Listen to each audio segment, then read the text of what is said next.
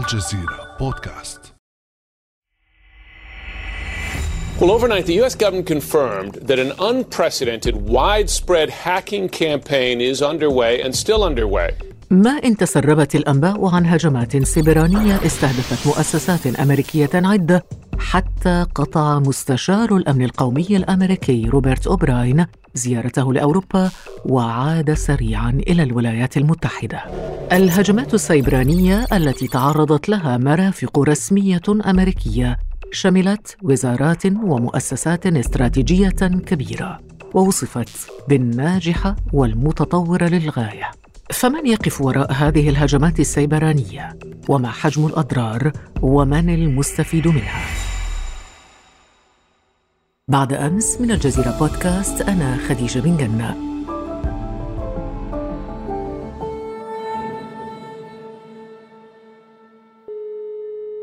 معي للحديث حول هذا الموضوع الأستاذ نبيل عودة الباحث في الشؤون الدولية وسياسات الإنترنت. صباح الخير أستاذ نبيل. صباح الخير أهلا وسهلا يا مرحبا. نسعد بك وبوجودك معنا في البرنامج مرة أخرى أستاذ نبيل. ونبدأ بهذا التساؤل الذي يبدو منطقيا إنه يعني نحن لا نتحدث عن دولة من دول العالم الثالث. هذه أمريكا بكل ما تعنيه من قوة سياسية قوة عسكرية قوة اقتصادية قوة على كل المستويات.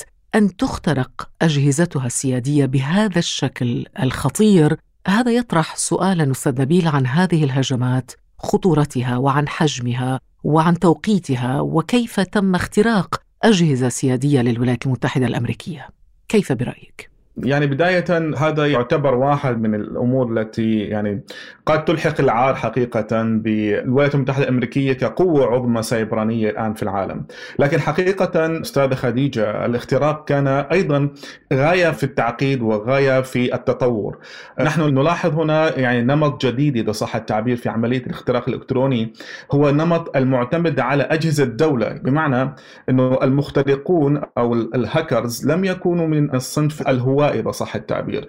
لأن حجم الاختراق يدل على أنه الإمكانيات التي توفرت لهؤلاء الهاكرز تفوق إمكانيات الهاكرز العادي الهواء بأضعاف مضاعفة. والاختراق لم يذهب مباشرة إلى الشبكات الرئيسية بمعنى آخر أن الاختراق مثلا لم يذهب مباشرة إلى شبكة وزارة الدفاع أو وزارة الخارجية أو وزارة التجارة أو وزارة الخزانة أو حتى خدمه البريد الإلكترونية اللي هي كانت من ضمن هذه الأهداف التي تم اختراقها.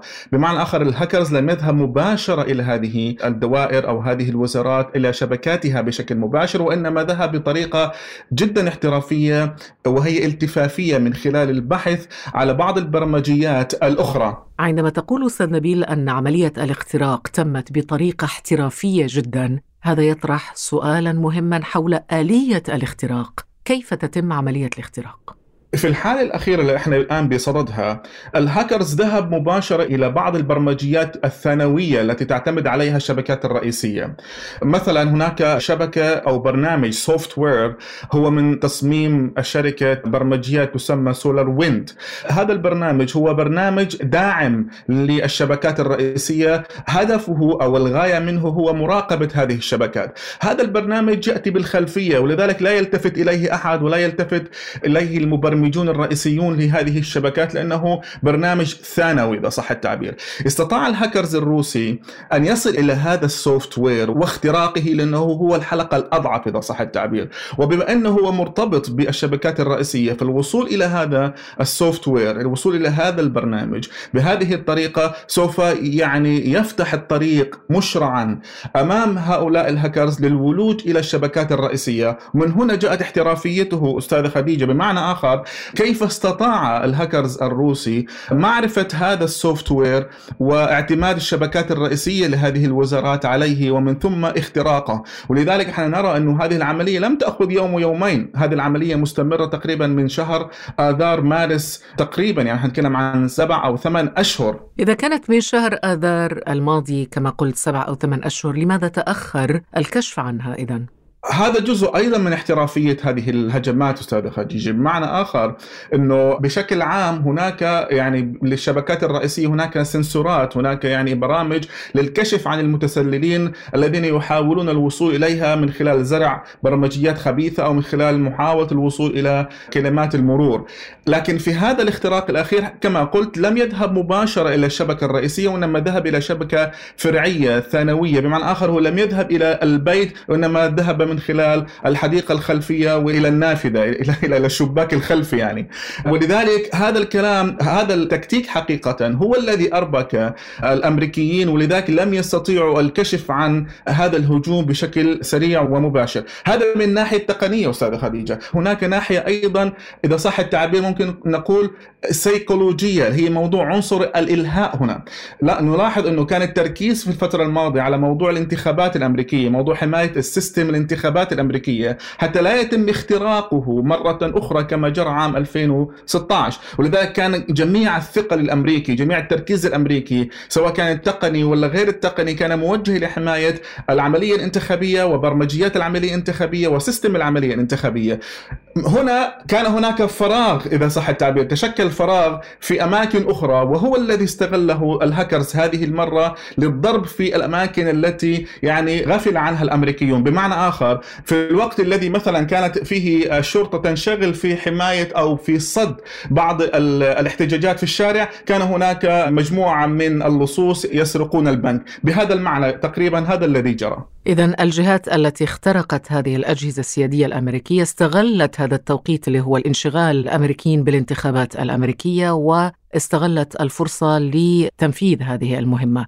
لكن أستاذ نبيل ذكرت قبل قليل اختراق 2016 هذا الاختراق بالتأكيد أكبر وأخطر من اختراق عام 2016 يعني هنا في نمط مهم يجب علينا التركيز عليه. لاحظي معي أستاذة خديجة أنه في الاختراق السابق 2016 جرى في الفترة الانتقالية أيضا يعني في فترة الانتقال من إدارة أوباما إلى إدارة ترامب لذلك دائما في هذه الفترة الانتقالية تكون هناك في حالة ضعف عامة في مؤسسات الدولة لأنه الآن هناك تسليم من إدارة إلى إلى إدارة أخرى. تمام؟ ولذلك هذه أفضل يعني أفضل توقيت من أجل شن هذه الهجمات.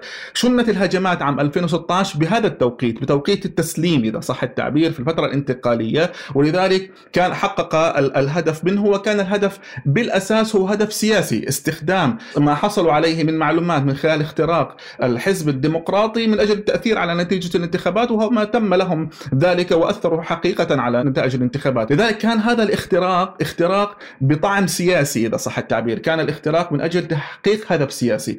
الاختراق الحالي هو اختراق أيضا بنفس نفس التوقيت هو توقيت التسليم إذا صح التعبير ولكنه طب شو الهدف السياسي؟ السابق الهدف السياسي كان التأثير على نتيجة الانتخابات ولكن الاختراق الحالي هو ليس سياسيا هو تجسسيا ولذا كان الاختراق لوزارات سيادية ومن ضمنها مثلا مختبر لاس ألاموس اللي هو للتجارب النووية وهذا واضح جدا يعني هو هذا عبارة عن اختراق كلاسيكي تجسسي الهدف منه الحصول على أكبر قدر ممكن من البيانات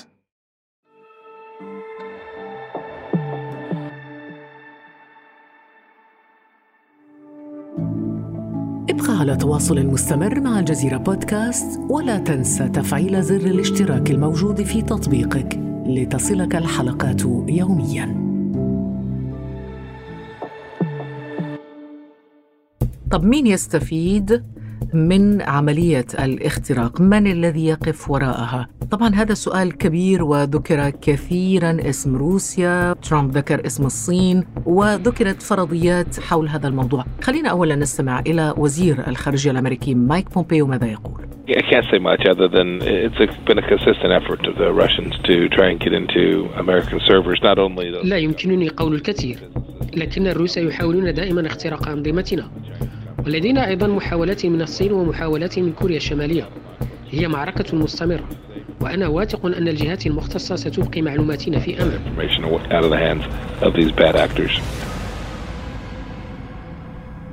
أستاذ نبيل واضح أنه وزير الخارجية الأمريكي يوجه أصابع الاتهام وإن كان بشكل ربما غير مباشر وصريح إلى روسيا هل تبدو برأيك روسيا مؤهلة قادرة على تنفيذ هجمات بهذا الحجم بهذه الخطورة على مؤسسات كبيرة وسيادية في الولايات المتحدة الأمريكية؟ روسيا لها تاريخ كبير جدا فيما يتعلق بالهجمات التجسسية إذا صح التعبير، إحنا نتكلم عن قرن من الزمان. روسيا تركن إلى هذه العمليات من أجل الوصول إلى المعلومات التي تراها حساسة وتخدم مصالحها السيادية.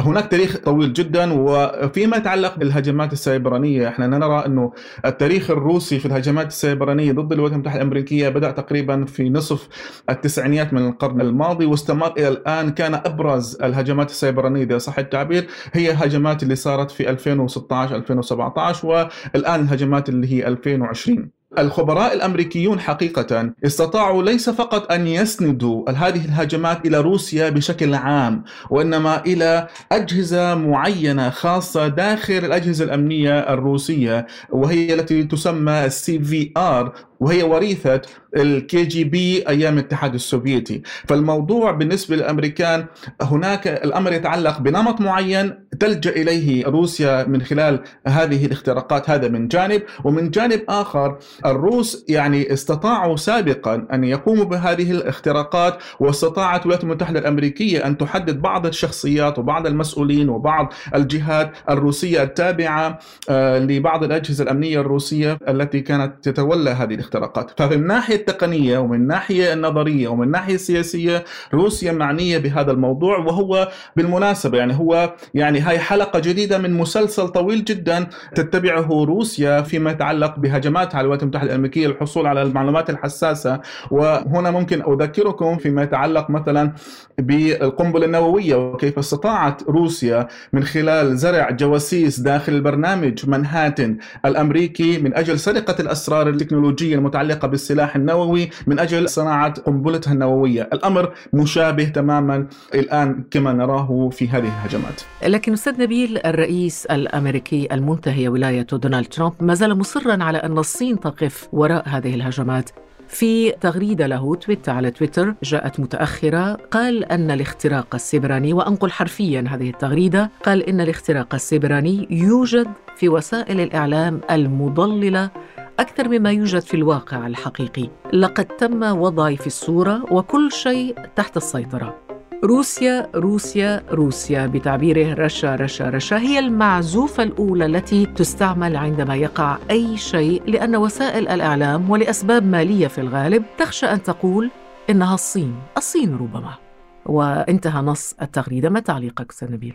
يعني هو ترامب يحاول قدر الإمكان النأي بنفسه عن هذا الإحراج الكبير للولايات المتحدة الأمريكية، لأنه هذه الهجمات حدثت في ولايته وإن كانت يعني في آخر فترة من ولايته هذه اولا، ثانيا الرئيس ترامب كان قبل ذلك بعدة أيام بأسبوع أو عشر أيام قد أقال مسؤول الأمن السايبراني في الولايات المتحدة الأمريكية، ولذلك هو يحاول قدر الإمكان النأي بنفسه عن هذا الخلل الذي حدث أو عن هذا الإحراج الذي حدث للولايات المتحدة الأمريكية من خلال استهدافها بهذه الطريقة الكبيرة. هذه من ناحية. من ناحية أخرى هناك دائما يعني ما زال جدل كبير جدا عن علاقة حقيقة ترامب بروسيا. ولذلك إحنا شفنا خلال أربع سنوات من ولايته يحاول قدر الإمكان الدفاع عن روسيا خصوصا بوتين وإبعادها بشكل كبير جدا عن الضوء. لماذا؟ بسبب التحقيقات التي كانت تجرى من خلال علاقة ترامب بروسيا وعلاقة روسيا بحملة ترامب والاتيان الاتيان به إلى البيت الأبيض ولذلك هو حريص جدا على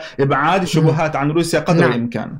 نعم بسبب الدور الروسي في الانتخابات نعم. السابقة. ولكن كيف نتأكد تقنيا أستاذ نبيل؟ وأنت ما شاء الله عليك خبير في هذا المجال. كيف يمكن أن نتأكد إن كان هذا الطرف أو هذه الدولة أو هذه الدولة الصين أو روسيا أو غيرها هي التي تقف وراء الهجمات؟ كيف يمكن للإدارة الأمريكية تحديد من أين يأتي الاختراق؟ هل هذه مسألة ممكنة أو سهلة أم صعب تحديد المخترق؟ الأمر ليس مستحيلا. نعم هو صعب لكنه ليس مستحيلا أن نحدد الجهة أو المكان الذي بدأت منه هذه الهجمات. ولكن تحديد الأمر على وجه الدقة هو تقريبا الآن ما زال مستحيلا. ولذلك مثلا نرى أنه هذه البرمجيات الخبيثة هي لا تلبس مثلا البزات العسكرية ولذلك يمكن تحديدها بشكل بسيط جدا أنه هذه تنتمي إلى روسيا وتلك تنتمي إلى الصين تلك تنتمي إلى إيران أو تلك تنتمي إلى كوريا الشمالية. لذلك يبقى الموضوع تقريبي ومن هنا لم يتطور الأمر إلى اتخاذ مثلا خطوات ردعية أو انتقامية مباشرة من أمريكا ضد روسيا. عندما تتحدث أستاذ نبيل عن الردود الممكنة من طرف الولايات المتحدة الأمريكية هل لديها فعلا إمكانية للرد؟ هل هناك خيارات بيد الإدارة الأمريكية أم أنه هذه الهجمات ربما ستستمر لفترة طويلة؟ من ناحية تقنية نعم أمريكا قادرة على الرد والانتقام من هذه الهجمات هذا الكلام يقودنا إلى ما يسمى بالردع السيبراني هل هناك ردع سيبراني؟ نعم هناك ردع سيبراني ويمكن التوصل إليه من خلال ثلاث مراحل أو من هناك ثلاث جهات أولا بناء صد إلكتروني قوي firewall okay بحيث أنه المخترقون أو الهاكرز لا يستطيعون الوصول إلى هذه الشبكات هذا جرى إلى حد كبير سابقا ولكن ما زالت هناك ثغرات يمكن اللجوء إليها من أجل اختراق هذه الشبكات كما جرى مؤخرا في هذا الاختراق الكبير، هذه اولا. ثانيا هناك الردع بالعقاب. الردع بالعقاب بمعنى آخر إنه انظروا إلينا أيها الروس، إذا أردتم أن تشنوا علينا هجمات سيبرانيه فإننا سوف نرد عليكم ردا قويا جدا ويكون مكلفا لكم، فهذا الرد بالعقاب. الطريقة موضوع الردع. هو الردع من خلال التوصل إلى ملزمة تفاهمات دولية من أجل منع هذه الهجمات. كما جرى مثلا سابقا فيما يتعلق بالسلاح النووي عندما جرى موضوع الحد من السلاح النووي وتوقيع الاتفاقات الدولية. ولكن السؤال الآن حقيقه هو هل أمريكا معنية بالتوقيع مثلا على هذه الاتفاقيات في حالة تم التوصل إليها من قبل مثلا الأمم المتحدة؟ أنا لا أعتقد ذلك لأنه أمريكا ليست لها هنا أياد بيضاء في هذا الموضوع لأن أمريكا تمارس إما التجسس على الآخرين كما رأينا سابقا أن أمريكا تجسست حتى على حلفائها مثل ألمانيا. وأنها أيضا تقوم بالهجمات الإلكترونية مثل ما رأينا الهجمات الإلكترونية مع إسرائيل ضد إيران التي كلفتهم يعني تعطيل برنامجهم النووي تقريبا لمدة ثلاث سنوات والهجمات السيبرانية الأخيرة على إيران أيضا التي عطلت منظومتهم في إطلاق الصواريخ البالستيه، اذا أمريكا أيضا ضليعة بهذا الموضوع، هي ليست ضحية يعني الآن تحاول أن تصور نفسها أنها ضحية. يعني هي مش بس ضليعة أستاذ نبيل يعني هي ليست ضليعة هي عملاق إمبراطور التكنولوجيا في العالم، من هنا ربما جاء الاستغراب والدهشة في العالم كله من أنه منظومه الحماية الأمريكية غير قادرة على التصدي لمثل هذه الهجمات من طرف روسيا. يعني الآن هل الأقوى تكنولوجيا روسيا أم الولايات المتحدة؟ بالتأكيد الولايات المتحدة وهي التي تؤوي أغلب وأكبر و أقوى العمالقة التكنولوجيا في العالم، فهذا فعلا غريب أليس كذلك أستاذ نبيل؟ يعني هذا كلام صحيح، هي قدم اخيل إذا صح التعبير،